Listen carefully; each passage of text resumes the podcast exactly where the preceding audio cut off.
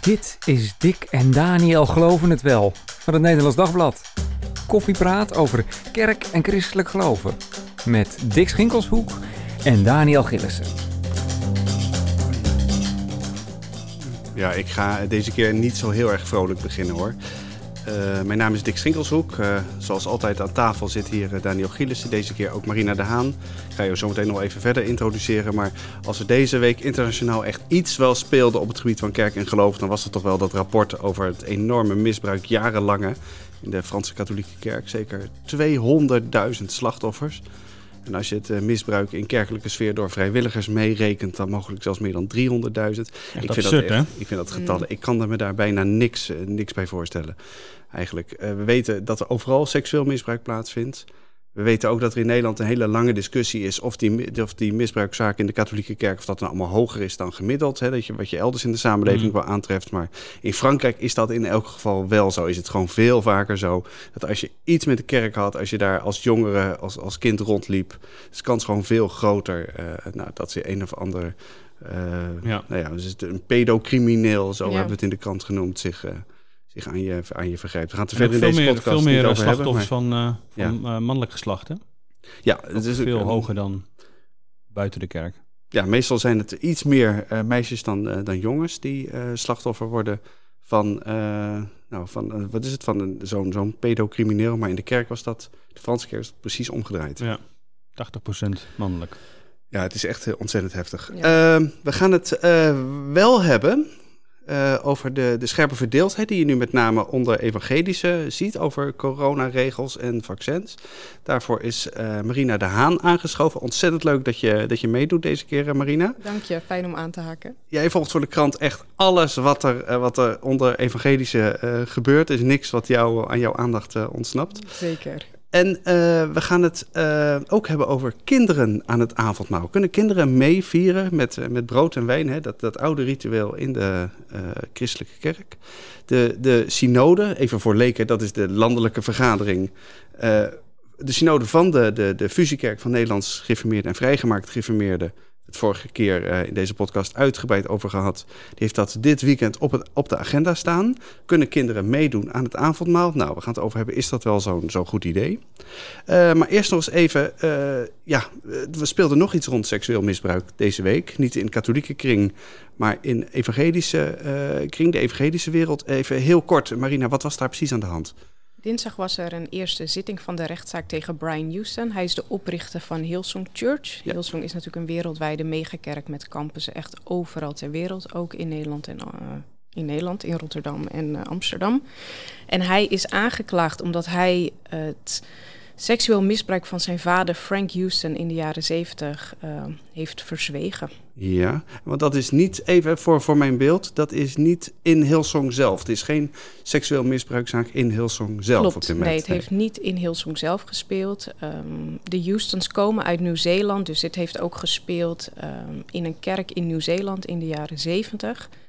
Uh, dus het is allemaal voordat Hillsong bestond, uh, heeft dit plaatsgevonden. Frank Houston heeft mogelijk negen uh, kinderen seksueel misbruikt. Maar waarom staat die grote leider van Hillsong, Brian Houston, waarom staat hij dan nu voor de rechter? Wat is, wat, is, wat is het probleem? Dat heeft zijn vader gedaan. Toen hij erachter kwam in 1999, toen kwam er een eerste slachtoffer naar boven. En hij, hij heeft toen verzwegen om die informatie aan de politie te melden. En hij zegt dat hij dat gedaan heeft omdat het slachtoffer gevraagd heeft om dat niet te doen. Um, er is twee jaar politieonderzoek nagedaan en hij is alsnog aangeklaagd hiervoor. Ja, en kan dit gevolgen hebben, denk je, voor Hillsong? Ja, dit zou zeker gevolgen kunnen hebben. Volgens een Australisch magazine zou Brian hiervoor uh, vijf jaar de gevangenis in kunnen gaan. Hmm. Dus mocht dat gebeuren, dan, uh, ja, dan is de grote Hillsong-kerk uh, stuurloos. Ja, is dat echt zo? Want ik denk dat, van, dat is zo'n zo'n grote kerk. Er zijn ook allerlei andere leiders, ook plaatselijk en zo. Uh, maar jij zegt zonder Brian Houston is Hillsong geen Hillsong. Nee, Brian heeft heel erg visie voor Hillsong, wat hij voor zich ziet uh, wereldwijd. Um, ik geloof echt dat hij, uh, hij geeft sturing, hij geeft de richting op welke alle campussen opgaan. Dus als hij er niet is, dan heeft dat grote gevolgen tot in Nederland aan toe, verwacht ik. Hij heeft al stappen gezet, hè? want hij is toch al uh, uit een heleboel Klopt. besturen. Hij, zat in hij is uit veel kerkbesturen, 19 besturen. Hij is denk ik uit 16 uh, gestapt. Oh, ja. Eh, zodat de besturen voornamelijk gewoon goed door konden gaan. Ja, ehm, ja. Zonder dat hij. Ja. eh, Maar 19 besturen. Daniel, in hoeveel besturen zit jij? Maar is Daniel In kerkleider? Nee. Ja, nee, Daniel. Gelukkig- ik- gelukkig niet. Misschien is dat maar goed ook, ja. ja. Maar dat is dus ook een, een veel kleiner verhaal natuurlijk dan het verhaal over de, de Franse katholieke kerk, waar we net mee begonnen. Maar ook ontzettend heftig. En er staat dus ook echt voor Hillsong als, als kerk iets, iets, iets op het spel. Klopt. Ja. We gaan eh, het eh, in deze podcast hebben over de enorme verdeeldheid die je nu onder evangelische met name ziet als het gaat om eh, corona hè, en het vaccin. We hebben het eerder over eh, reformatorische christenen gehad en dat die minder dan gemiddeld geneigd zijn om zich te laten vaccineren. En hoe dat komt, waar dat vandaan komt. We willen nu iets meer gaan kijken naar evangelische. Wat, is jouw, wat, is, wat is jouw beeld? Wat, wat, wat is er aan de hand eigenlijk? Ja, we merken vooral online dat er veel verdeeldheid is tussen evangelische als het gaat om eh, vaccinatie en de coronapassen ook.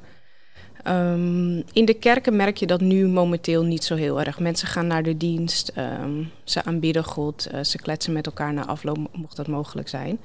Er zijn wel kerken die bewust nog eh, aparte vakken hebben. Dus als je meer afstand zou willen bewaren, dan zou je Ja. daar kunnen gaan zitten. Dus, Wat je veel kerken ziet tegenwoordig. Precies, ja. ja. Maar online gaat het wel hard tegen hard. En het zijn voornamelijk de tegenstanders eh, van vaccinatie die van zich laten horen. Het zijn echt als roeptoeters eigenlijk eh, op Twitter met name en eh, Facebook. Dus daar zit die verdeeldheid wel. Ehm, Ja, want wat mij, wat mij dan ergens alweer weer opvalt, is hoe ontzettend fel dat gebeurt. Hè? Het is niet een beetje van, ik vind het een ontzettend slecht idee, die coronapas. Mm. En ik je ben er het daar niet mee eens. van van alles en nog wat. Hè? Klopt, ja. Ja. Ja, dus eh, het, begint soort, het begint nog matig, kan je zeggen, met eh, mensen zijn boos en teleurgesteld, voelen zich buitengesloten. Ehm, tot aan eh, beschuldigingen aan toe dat eh, iemand een NSB'er is of een overheidsvolger. Ehm, dan wordt het heel erg extreem. En daar maak ik me wel zorgen om. Want wij staan als gelovigen juist voor verbinding, voor liefde, voor ja, vrede. dat was eh, ooit het idee. Ja. ja, maar daar is nu daar, is- daar is weinig van te merken online. Dus waar is het respect gebleven voor elkaar? Dat mis ik heel erg. Ehm, natuurlijk kan je het niet eens zijn met elkaar en discussie is prima. Maar ehm, ja, waar is het respect in die discussie? Ik vind het heel interessant dat je zegt van, dat je dat vooral online ziet en niet in de, in de kerk. Dat in de kerk mensen gewoon, nou mensen kunnen nu natuurlijk weer. De meeste evangelische gemeenten zullen geen, eh, nou eigenlijk misschien wel geen één, een, een coronapas Nee. eh, eh, vragen. Ehm, je hebt ook, het is een tijdje geleden met een heleboel evangelische voorgangers gesproken. Van ja, hoe Klopt. gaan jullie daar nou, mee- daar nou mee om? En daar bleek dat eigenlijk ook uit. Hè? Dat ze zeggen, Klopt. nou, we proberen de boel bij elkaar te houden. Ja, zij focussen op die verbinding en op die eenheid. En ik denk dat het makkelijker is om online dingen te roepen dan als je iemand in de ogen kijkt. Want als ik jou, als ik dik, als ik jou in de ogen kijk en ik weet, hey, dit is jouw standpunt, ehm, ik ben het er niet mee eens, maar ik heb daar respect voor, dan is dat heel anders dan wanneer je snel op sociale media iets typt. Ja, je gaat mij niet zomaar de antichrist noemen nu. eh. Nee, precies. Zouden we een leuk gesprek eh, Het zal hebben, ik. zal wel spannend Ja, het worden zo, die podcast. Ja, ja. Dat, dat is ook zo. En online is anoniem, is, Ja, eh, is snel, Ja, ja. uit je boosheid. En, eh, En dat is wel echt anders dan bij reformatorische christenen, waar je dat niet op deze, in deze vorm ziet. Niet in zijn dat ze zich zo online na- eh, volledig... Ah, eh, ja. online aanwezig. Ja. Nee, eh, precies niet zo eh, online aanwezig. Ook die discussie onderling is niet zo scherp, en niet zo Mm. hard, denk ik, als je dat bij, eh bij evangelische inderdaad wel eh, ziet gebeuren. Terwijl Hoe de vaccinatiegraad lijkt wel juist wat hoger bij evangelische dan bij, bij reformatorische. Dus Ja. Daar, zit het juist meer eerder eh, richting eh, 50-50 of eh 60-40 procent. Maar ja. waarom zouden dan eh reformatorische het niet met diezelfde felheid uitvechten onder elkaar? Dat zij, Die zijn eerder- hou dat eerder binnenskamers. Het is eerder een gesprek wel wat je onderling eh, voert. En tegelijk is er ook altijd wel rond vaccinatie is natuurlijk iets wat, wat, wat altijd al wel hebben gehad. Dat je ehm, eh, een deel dat wel doet en een ander deel eh, niet. En eh, dat ze wel ja. voor gekozen hebben ook om dat soort te respecteren van elkaar. Dat je daar verschillend in kunt staan. En de dominante in bepaalde plekken, of was de dominante lijn wel dat er niet gevaccineerd wordt. Maar in andere kerken is dan toch dat, dat net weer andersom. En dat laat ze toch meer bestaan, denk ik. Dus eh, evangelische, eh, die, die voeren dat meer... Die, die voeren die discussie meer buitenshuis. Ja. Zou, zou het verschil ook nog kunnen zijn dat eh, een heleboel evangelische leiders, althans een veel gematigder standpunt hebben dan sommige van hun kerkleden. Terwijl dat bij in de reformatorische kring vaak nog wel eens eerder andersom zou kunnen zijn. Dus dat reformatorische Hmm. eh dominees, reformatorische kerkverbanden veel huiveriger staan, ja. strenger zijn in de leer dan een heleboel mensen die denken, ja Guns, ja, je kunt, me- je kunt me nog meer vertellen, maar ik ga gewoon lekker die prik halen. Ja, Ja, en, maar ze zullen ook nooit. Wat er inderdaad tegen David de Vos eh, gezegd is. Hè? Je moet het Precies. zo maar even introduceren verder. Maar wat, wat tegen zo iemand wordt gezegd, dat zal onder reformatorische christenen nooit tegen hun predikanten op die manier, tegen hun leiders op die manier Mm. worden gezegd. Dat is echt, ja, ik denk ondenkbaar. is nog een beetje ontzag. Dat is ontzag voor de, ja. voor de ambtsdragers. Is dat, eh, komt jou dat bekend voor? Ja, dat komt inderdaad bekend voor. Ik denk, ik had inderdaad David de Vos geïnterviewd. En, eh, want zijn evenement Simply Jesus Come Together ligt heel erg onder vuur. Omdat hij dus corona-toegangsbewijs eh, vraagt. Dat is begin november. En hij zei ook in dat interview dat hij, dat hij, hij steekt ook hand in eigen boezem. Want misschien hadden de nationale evangelische leiders eh, meer standpunt, duidelijker moeten laten ventileren van dit is waar wij voor staan. Dat hebben ze niet gedaan, um, waardoor er een soort vacuüm is ge ontstaan met allemaal waarheden tussen aanhalingstekens waarvan we niet weten of dat echt de waarheid is, um, waar mensen in zijn gaan geloven. Ja, en Dus ik vond het wel moedig van hem dat hij zo duidelijk zich uitsprak. Ja, En vond dat ik verbaasde ook. mij eerlijk gezegd ook wel een beetje. Het had ook uh, voor mijn idee anders kunnen zijn. Dat hij dat gedaan had gezegd van ja, die coronapas, uh, daar moet ik niks van weten. Ja, ik vond het ook heel mooi dat hij dat deed. En ik denk ook dat het, dat het goed is. Um, want ik denk ook dat de leiders zich meer hadden moeten uitspreken. Ik, Nee. Eigenlijk vind ik ook dat de kerk meer een rol had kunnen spelen um, in deze hele discussie.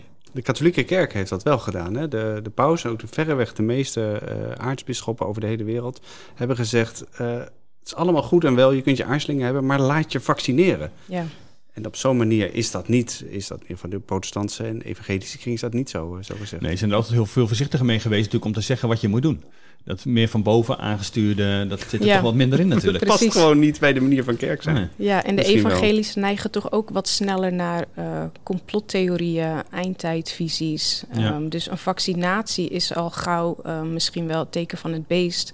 Wat je in jezelf laat injecteren. Doe je daaraan mee of niet? Ja, ik vind het, het fascinerende is natuurlijk dat het met kindervaccinaties uh, onder evangelisch denk veel minder een issue uh, was dan, dan nu deze coronavaccinatie. Ja. En goed, dat is natuurlijk het, het, wereldwijde ervan en al dat soort dingen wat je dan kunt um, koppelen aan, uh, aan misschien het tekenen die in de, in de Bijbel voorzegd worden. Um, maar uh, dat dat nu dan opeens zo inderdaad enorm uh, opspeelt. En we zagen dat ook, we hebben onderzoek, uh, eerder dat hebben we hier ook in de podcast wel besproken, onderzoek gedaan onder christenen en, en vaccinatie. En um, daarbij zie je dat evangelisch inderdaad minder dan gemiddeld zich, zich laten vaccineren. Mm. Uh, wel meer dan uh, reformatorische christenen overigens. Dus die zitten inderdaad in een wat lagere lijn. Ik kan er niet helemaal harde uitspraken over doen, omdat die getallen niet zo, uh, zo groot zijn dat je kunt zeggen, oh nou, het is precies zoveel procent. Maar beduidend, echt reformatorische christenen beduidend lager en evangelische christenen ook echt wel substantieel lager dan, de, dan het landelijk gemiddelde van, nou ja, het is nu ergens tussen 80 en 90 procent. Ja. Um, dus, en die aarzelingen daarbij komen al dit soort dingen van, van nou ja, de complottheorieën komen daar nadrukkelijk bij aan de orde. Ja, wat mij opvalt is dat vooral christelijke artiesten op dit moment uh, ontzettend veel, ja, we noemden da David de Vos net al even, hè? Ontzettend veel over zich heen krijgen. Uh, ik denk, wow, uh, dat moet je, daar moet je ook maar tegen kunnen. Uh, het lijken wel, wel politici hier, zeg maar, op dit moment. Die krijgen ook van alles over zich heen. we hebben een fragmentje hè, van David de Vos. Eén minuutje waarin hij even uitlegt hoe, hij, hoe hij erin staat... en nou, wat, er, wat er volgens hem echt op het spel staat. Sommige mensen denken, dit is het begin van het einde van de wereld. nou, Jezus komt heel snel terug. Ik wil heel graag, heel graag naar de Heer Jezus gaan. En tegelijkertijd weet ik dat hij ook gezegd heeft: gezegend is hij die doet het werk van mijn vader als ik weer terugkom. En dat is nou precies waar wij mee bezig zijn. We blijven doorgaan met de liefde van God te delen, elkaar te bemoedigen, te inspireren. En dat is ook de hele reden waarom we zo graag door zouden willen zetten. En ik moet je ook eerlijk vertellen, ik ben van de week met mijn neus keihard op de feiten gedrukt. Toen ik uh, afscheid moest nemen van een heel bijzondere vriend vanwege corona. Het is niet zo dat het helemaal uh, ongevaarlijk is. Het eist nog steeds levens en daarvoor nemen we elkaar in bescherming. En wat wij met Simply Jesus Come Together gaan doen, valt gewoon vanwege de reglementen onder de restricties die de overheid geeft, daar hebben wij niet eens eens een keuze in. Dus de enige keuze die ik heb als visionair is: laat ik het doorgaan met restricties of stop ik er helemaal mee? Ja, want Marina, wat we hoorden hier was David de Vos die uitlegt waarom je een coronapas nodig hebt om naar Simply Jesus, om naar zijn evenement te gaan. En dan, dan gaat het vooral om evenementen die heel erg op kerkdiensten lijken. Want een, naar een kerkdienst kun je gewoon toe. Klopt. Uh, zonder coronapas. Maar naar die evenementen, daar heb je er dus, dus, dus wel eentje voor nodig. Ja, voor evenementen gelden natuurlijk gewoon de regels van, de overheid. Um, daar heb je een QR-code voor nodig. Um, en Ja. dat, ehm, ja, en- dat is dus ook bij zijn evenement het geval. Ehm, daar was niet iedereen het mee eens, op zijn zachtst gezegd. Ik wou zeggen, nu druk je je wel ontzettend de hele tijd. Nee, hij kreeg ontzettend veel Ontzettend shit veel. over zich heen. Heel Zullen we dat, veel zullen gewoon zo zeggen? Ja, het was echt heel veel bagger. En eh, hij is er nuchter onder. En hij eh, laat het van zich afglijden, zegt hij. Maar natuurlijk raakt het hem wel. Ehm, en dat is, dat is natuurlijk een ingewikkelde balans. Want je wilt iets doen voor het koninkrijk van God. Ehm, je wil mensen zegenen, mensen bemoedigen met wat je te bieden hebt. En een deel voelt zich buitengesloten. Ja, maar, de, maar de oplossing is toch vrij simpel, zou je zeggen? Testen. Nee, ja, nee, nee. Ja, Er- dat is de oplossing. ja, dat is de oplossing. Ja, testen of prikken. eh, of, of genezen eh, raken. Maar nee, maar, bedoel, maar ik bedoel eigenlijk een hele andere oplossing. Namelijk, waarom maak je van die, eh, van die evenementen niet gewoon een kerkdienst? Ik bedoel, kerkdiensten zijn uitgezonderd van deze hele regeling. Hè? Vrijheid van godsdienst. Hmm. Heel belangrijk, groot goed in Nederland. Heb je dat hele punt opgelost? Je De zegt Hans- gewoon, de wat ik nu doe Hans-Maat-oplossing, is- bedoel De je? Hans Maat oplossing. Wat ik nu doe is een kerkdienst. Punt, klaar, uit. Ja, ik heb het gedoe dan, meer. dat heb ik hem ook voorgelegd. Ehm, want er waren mensen online die ook alternatieven boden, waaronder van maak er een kerkdienst van. Maar hij zegt zelf, dan zijn de aantallen te groot, omdat er zeker 4000 mensen per dag kunnen komen. Het is een evenement van drie dagen. Dus dan zijn de aantallen te groot om het onder kerk te laten vallen. Dus eigenlijk vindt hij dat dan ook niet verantwoord. Nee. Meer om dat, om, om dat op. eh, Nee, we hebben geen kerkdiensten die zo massaal zijn. Hè? Ik bedoel, eh 2500 mensen, dat, eh, die kennen Niet we in nog. één dienst. Maar eh, eh, precies, in Nee, Nederland. Bedoel, in, in eh, Nederland kennen we dat niet. Nee. manier. Zuid-Korea mee aankomen, dan, eh, dan kan het wel. Maar, Dan eh, begint het pas vanaf Ja, eh, precies. 3000. of Jakarta. Ja, dat zijn Ja, groter. Bam. Ja, want Hans, eh, Hans Maat suggereerde zoiets. eh, Ja, Daniel. precies. Dus, Even eh, Hans, Hans Maat, wie is dat ook alweer? Dat is de directeur van het Evangelisch Werkverband. Dat is een beetje een evangelische stroming binnen de protestantse kerk. En eh, hij staat ook aan de baas van Cela. Cela de, de, nummers van Cela zijn vrij eh, bekend. Eigenlijk in breed eh christelijke kring worden die inmiddels wel ge- gezongen. En hij heeft die ontwikkeld en veel teksten geschreven en dergelijke. Goed, en hij zei nu rond al deze vragen van inderdaad, maak van ehm, dit soort evenementen, haal die weer meer naar de kerk toe. Laat het kerkelijke evenementen zijn en dan heb je de hele gedoe met coronapas en dergelijke is van de baan. Waar- waarom gebeurt dat dan niet? Nou, kijk, dan is het toch de, de vraag van ontloop je niet op een beetje een... nou ja, je, wil je niet van verantwoordelijkheid ontlopen. En eh, is dat inderdaad maatschappelijk verantwoord om nu te zeggen... Ah, we, scharen dit lekker onder de kerken. Hè? Wij, eh, wij ehm, eh, christelijke eh, aanbiddingsleiders, zangers enzovoort. Wij zijn- gaan gewoon zeggen, artiesten, wij gaan gewoon zeggen... dit is nu een kerkdienst en dan mag het. Dan krijg je natuurlijk ook dat je, nou ja, dingen als... wat schreef eh Reine Wiskerk in haar column... iets met vliegende spaghetti monster weer krijgt. En denkt van, we beginnen gewoon Ja. een of andere religie... en wij zijn ook een kerkdienst. En eh Hatsa, eh, theaters kunnen gewoon eh, vol zonder, zonder coronapas enzovoort. Dus neem gewoon je verantwoordelijkheid ook als, als christen. Dat was het, het weerwoord natuurlijk hierin wel. En hou je ook aan die maatregelen die de overheid stelt. En ga niet als kerken opeens de grenzen op, opzoeken. Nee, het is een heel grijs gebied. Maar wat ik wel fascinerend vond, is dat hij, maar goed, dat heeft hij nog niet goed kunnen uitleggen. Van haal inderdaad die christelijke evenementen als eh Cela en concerten weer meer naar de kerk toe. Want het hoort eigenlijk meer bij de kerk dan dat het een, een evenement is. Nou ja, dat is best interessant om over door te praten, maar dat moet volgens mij buiten coronatijd. Ja, precies. Ja. Want dan wordt het natuurlijk gewoon een ordinaire truc. Dat, ik snap ook Ja. wel. Ik vind ook, dan moet je ook gewoon de lef hebben om te zeggen: dit is een truc. Eh, wij hebben hier geen zin in, in deze coronapas. Dus wij noemen het gewoon kerk en, eh, ja, en klaar. en dat is het. Maar die christelijke artiesten vertikken dat dus. Dat vind ik wel weer bijzonder. Nou, Dat getuigt de van een groot artiesten verantwoordelijkheidsbesef, zitten in ja. dubio inderdaad. Ehm, er waren natuurlijk in de hoop dat alles weer kon, zijn er tours gepland en alles. Ehm, ja, daar, ja, ze zitten in dubio. Sommigen laten het wel doorgaan, anderen niet. En dat is eigenlijk een trend die je ook in de seculiere muziekwereld ziet. Ehm, maar Eline Bakker bijvoorbeeld heeft bewust gekozen om haar tour door te laten gaan. Zij heeft net een nieuwe cd uitgebracht, Terug naar Ede. Is volgens mij vandaag officieel uit. Heeft vanavond haar eerste concert in Amsterdam. Zij zelf niet gevaccineerd, eh, dus zij zal zich voor alle concerten, vier concerten door heel Nederland eh, moeten laten testen. En vraagt dat haar bezoekers eh, daarom ook. Zij organiseert het samen met een evenementenbureau, Events for Christ.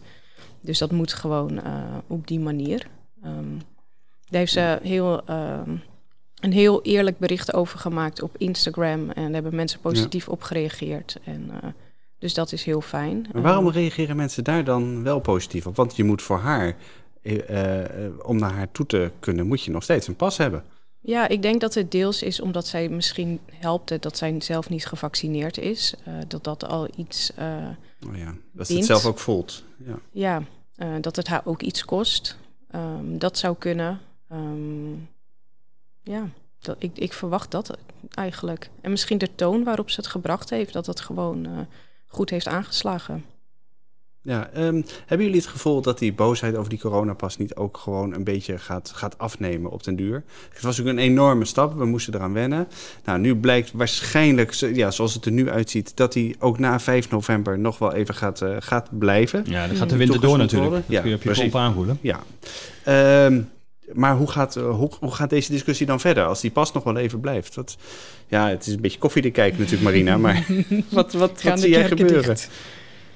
Ja, Wat, eh, over die pas, denk je dat het verzet afneemt?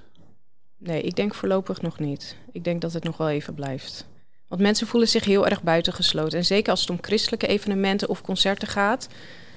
Ehm, ja, het woord van God is natuurlijk gratis. Dus eh, het is, niemand mag buitengesloten worden. Mensen voelen Ja, zich ja. echt heel erg buitengesloten.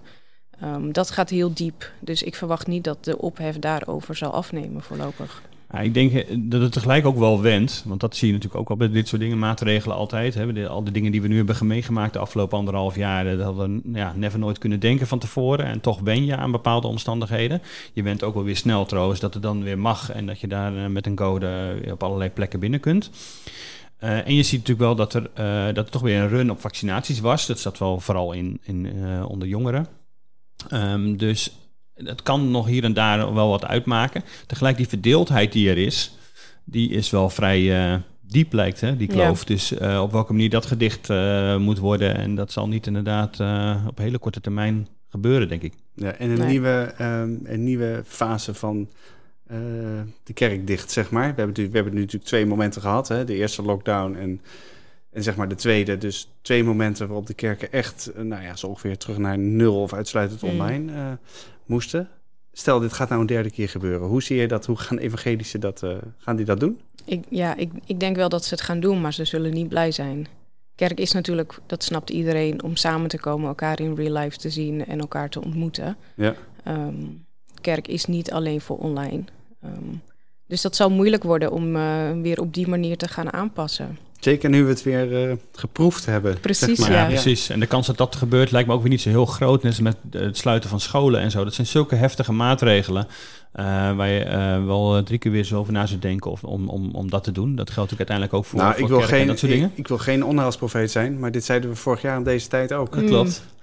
Eh, je, je weet het niet. En het- maar goed, al met al, vaccinatie is nog steeds wel een manier om eruit te komen. Je ziet dat daardoor eh, de bescherming tegen ziekenhuisopname nog rond de 90% is. Dus dat werkt eh, wel enorm. Eh, dus de hoop is natuurlijk dat dat blijft. En dat die, eh, dat die bescherming tegen vooral ernstig ziek worden eh, gewoon in stand blijft. Ehm, en dat je daardoor, eh, en met deze extra maatregelen als een coronapas, eh, toch eh, de, de samenleving open kunt houden. Daarmee ook de kerken. Ja. Ja. We gaan naar eh, een ander thema. Eh, kinderen aan het avondmaal. Ehm, ben jij ooit, Daniel, als kind aan het avondmaal geweest? Zeker niet. Zeker niet. Leg eens Nee. uit. Ik heb een reformatorische opvoeding gehad. En daar was het natuurlijk echt not done om... eh, avondmaal was überhaupt al voor een heel select groepje mensen... die eh, toch wel iets bijzonders had eh, meegemaakt. Een bekeringsmoment had meegemaakt. En daar ook nog wat over zou kunnen vertellen. Dus eh, nee, eh, dat was eh, ver weg voor mij. Dus dat- En jij, Marina? Ja, ehm, ik ben in de Rooms-Katholieke Kerk opgevoed. Dus ik ehm, heb op mijn achtste eerste communie gedaan. En daarna eh, ben ik altijd heel trouw de hostie gaan halen bij de pastoor. In lange Kijk. rijen door de katholieke kerk. Dus jij mocht meedoen. Ik mocht zeker meedoen. En Ja. daarvoor was ook heel fijn trouwens, want dan eh, ging ik altijd mee. Ik ging altijd met mijn moeder naar de kerk. En dan eh, liep ik voor haar en dan kreeg ik de zegen van de pastoor. Dan deed hij zijn hand op mijn, eh, Ja. op mijn voorhoofd. Toch een heel bijzonder moment. Ja, dat vind ik ook altijd weer mooi als ik met kinderen inderdaad eh, zo'n viering eh, deelneem. En nou ja, goed, ik als protestant, ik weet dat je officieel volgens de katholieke leer dan Ja, je bedoelt de als je hostie mag nemen Als je natuurlijk. naar, naar een Eucharistieviering Ja, een. Eucharistieviering Ja, ja. ga. En ehm, eh, dus dan eh, kruis ik mijn armen en dan eh, nou ja, ook krijg ik ook de zegen, maar mijn kinderen ook. En dat vind ik wel super mooi. Ja, Dat, dat, dat je op die manier toch wel mee kunt doen. En dat het meer is dan er gebeurt daar iets waar je niet aan deel kan nemen. Of eh, er komt iets door de rijen waar je denkt, eh, is dit ook voor mij? Kan ik ook meedoen? mhm.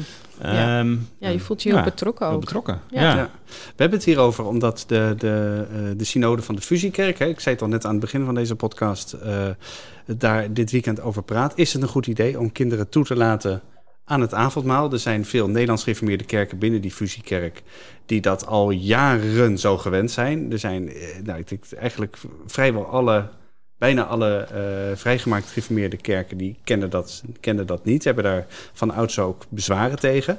Ehm, eh, er zijn eh, een aantal goede argumenten, denk ik, om, om kinderen aan het avondmaal toe te laten. Misschien moeten we het daar eerst maar eens gewoon eens even over hebben. De eerste is de, de, eh, de veranderde kijk op het kind. Kijk, vroeger was het natuurlijk zo, hè, even, als we ons even beperken. Mhm. de, de, de katholieke discussie is een hele andere. Ik denk ook de, de, de evangelische, maar in de geformeerde traditie was het zo. Dat je moet gewoon beleidenis hebben gedaan van je geloof. Vooraan, openbaar moment in de kerk. Daar zeg je ja, dan ben je vanaf dat moment ben je toegelaten tot het avondmaal. Of je dan ook gaat of niet. Nou, dat ligt dan een beetje aan in welke hoek van die, van die geïnformeerde Ja. traditie eh, je zit. Of je dan nog een bijzondere eh, geestelijke ervaring moet hebben meegemaakt om die stap te kunnen zetten. Of dat het eigenlijk vanzelfsprekend is dat je vanaf, dat moment gewoon, eh, gewoon, gewoon meedoet. Ehm, en de, en het, eh, het, punt is natuurlijk dat we nu op dit moment anders naar kinderen zijn gaan kijken.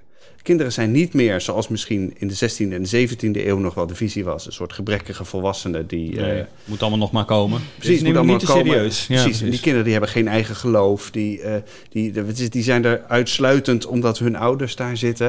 Ik denk dat we inmiddels anders naar kinderen zijn gaan kijken. En ook anders naar het geloof van kinderen zijn gaan kijken. Volgens mij een goede, goede ontwikkeling. En hoe oud zijn die kinderen dan? Eh, als kinderen nu deelnemen aan het avondmaal, dat verschilt een beetje. Er zijn in de protestantse eh, kerk zijn er gemeenten waar kinderen vanaf een jaar of zes al eh, welkom zijn.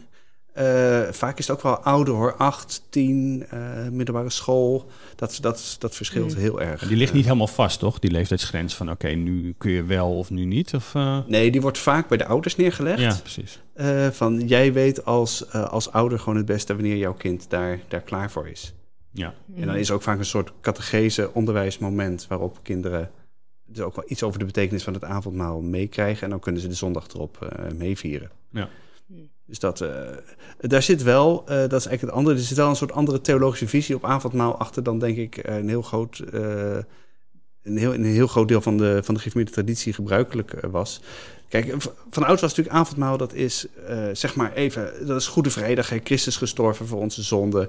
We, eh, wat is het, door, door zijn bloed krijgen we vergeving, eh, heel sterk op die verzoening Mhm. gericht. Kijk, dat is natuurlijk ontzettend lastig om dat aan kinderen eh, te, te, te communiceren. Ja.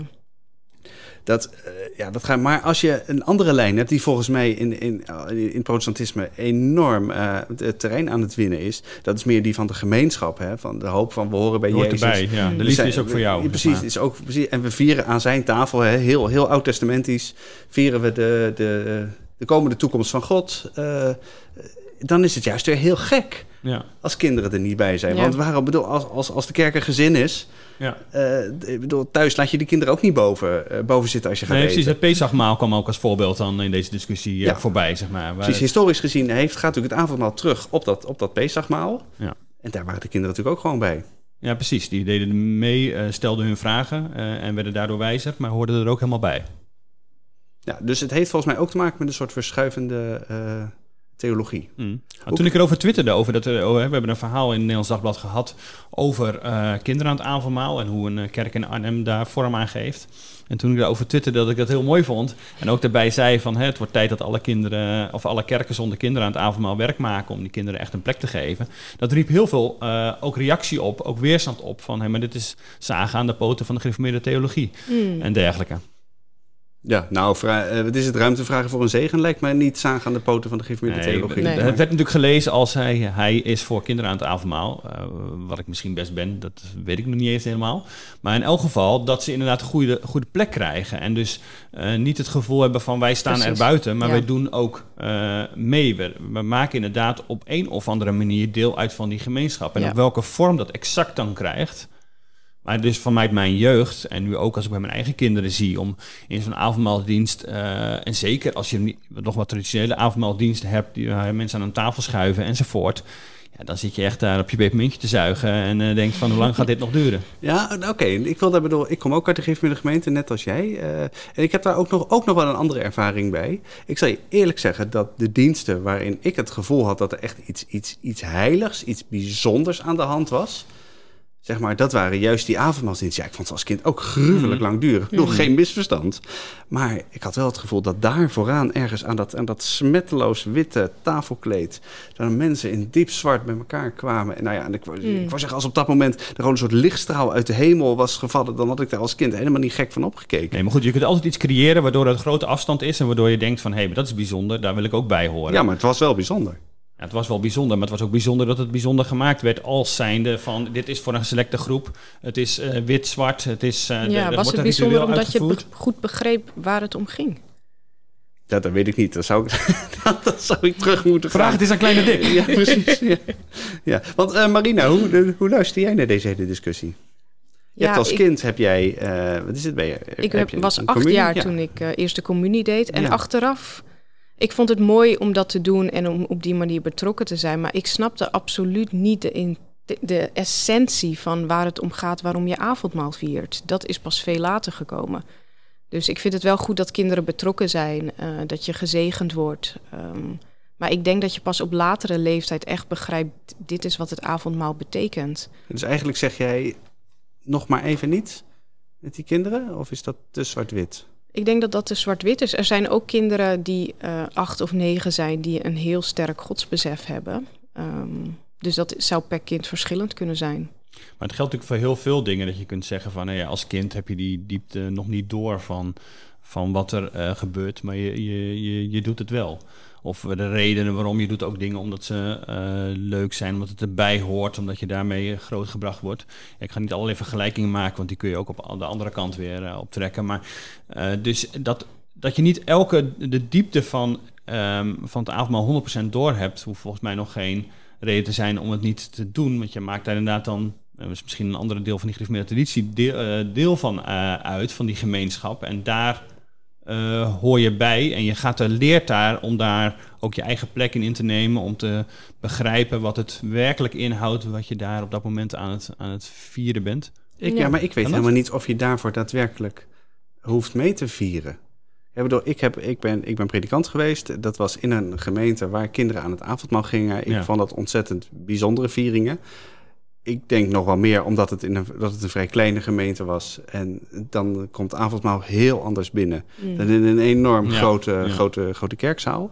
Eh, kinderen deden mee daar. Dus, dat, dus ik ben daar principieel helemaal niet zo niet radicaal op tegen. Mhm. Maar er zijn wel volgens mij uit die, uit die geïnformeerde traditie, zeg maar, waar we het nu de hele tijd over hebben, zijn er wel twee elementen die je volgens mij niet moet vergeten. En waar je ook zomaar in het idee van ja, nee, maar het is ook gewoon niet meer van deze tijd om kinderen zo buiten te sluiten. Dus hartstikke idee klaar. Eh, Goede samenvatting van wat ik vind. Goed, nou, dan, dan, ga ik, dat- dan ga ik dat nu even aanpakken. kijk, kijk geïnformeerden hebben altijd met overtuiging voor de kinderdoop gekozen. Hè, dat is Mhm. met, nou, met, met, met nog meer dan overtuiging. Dat was eigenlijk gewoon de enige manier waarop het echt moest. Eh, dat betekent wel dat je vervolgens nog ergens een ritueel nodig hebt... op het moment dat een kind is groot geworden...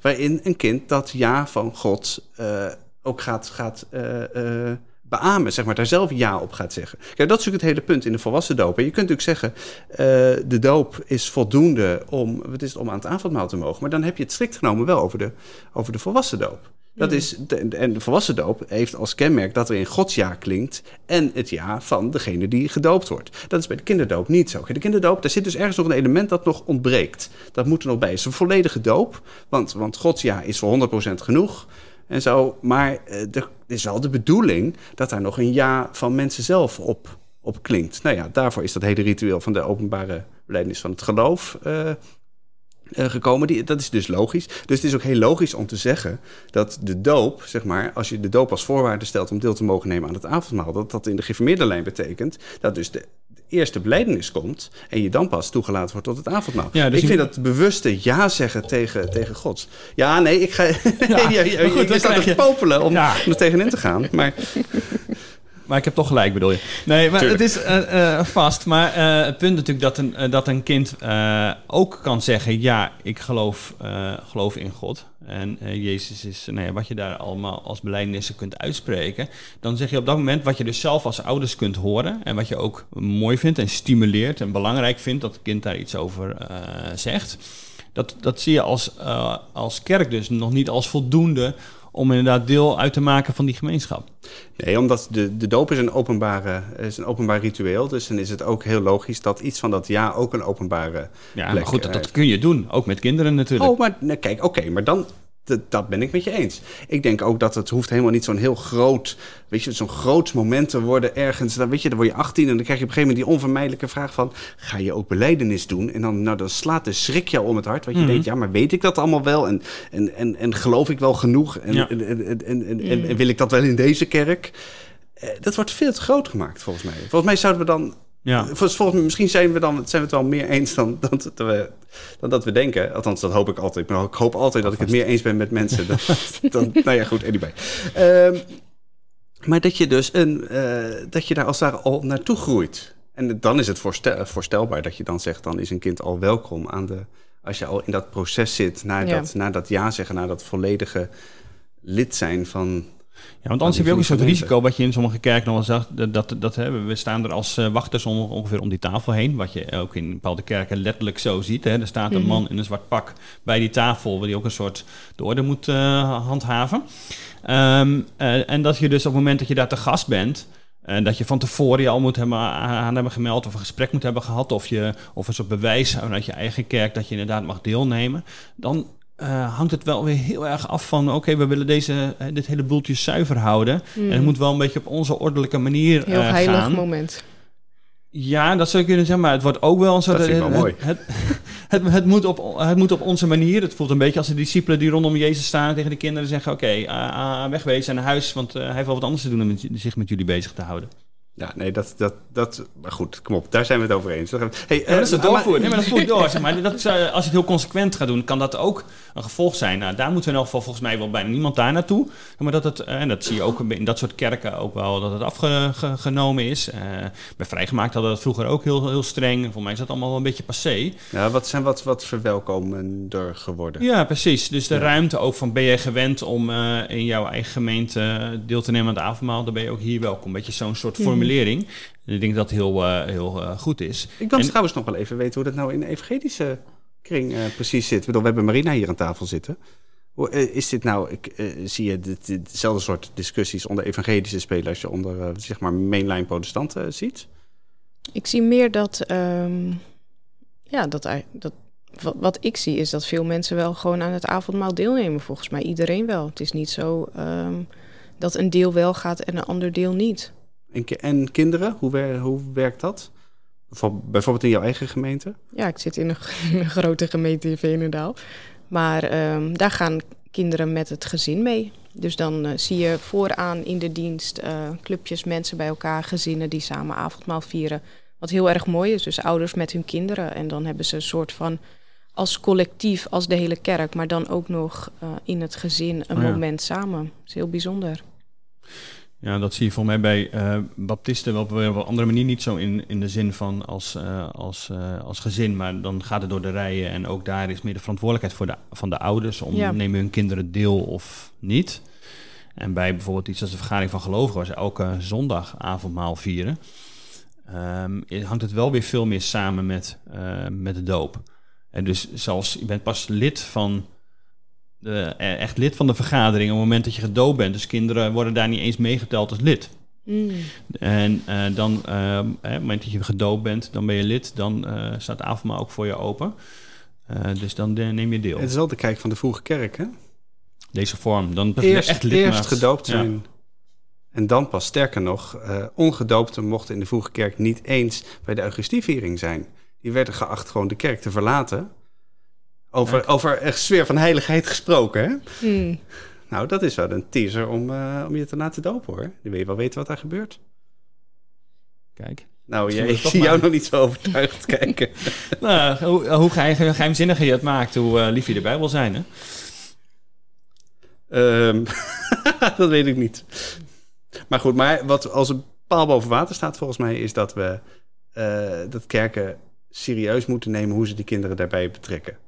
Volgens mij is dat wel de, de bottom line. En hoe je dat dan ook precies oplost... Nou, dat moet je vanuit je eigen traditie eh, eh, Ja. bekijken. Moet je serieus mee omgaan, denk ik. Ook Ja, met alle argumenten voor's en tegens. Mooi. Zoiets. Heel mooi. Zijn we het eens gewoon? Ja, ik weet het niet helemaal. Ik Komt weet het vast omdat ik erbij ben. Ja, precies. Jij moet vaker aanschuiven, Marina. Verbindend, Ja, verbindend. precies. Ik vond het trouwens ontzettend leuk dat je erbij was. Ik hier ook, bij dank deze, jullie wel. bij Ja, deze dank. podcast. Schuif nog eens aan, eh, zou ik zeggen. En eh, jij eh, ontzettend bedankt voor het luisteren. Ik hoop dat je het leuk vond. Vind je het interessant en wil je een reactie eh, aan ons laten, laten weten? Mail ons dan even op geloof.nd.nl. Verder like en deel ons op sociale media. Vinden we leuk. En denk je nou, ik wil hier nog veel meer van weten? overweeg dan eens een abonnement op het Nederlands Dagblad. We hebben al een vrij voordelig instapabonnement voor 1,75 euro per week of per maand, Daniel? Per week. Per week. Nou, kijk. 90 euro per jaar. al. 9 90 euro per jaar. Eh nd.nl slash abonnement. En voor nu, hey, tot de volgende keer. Dag. Later. Doeg.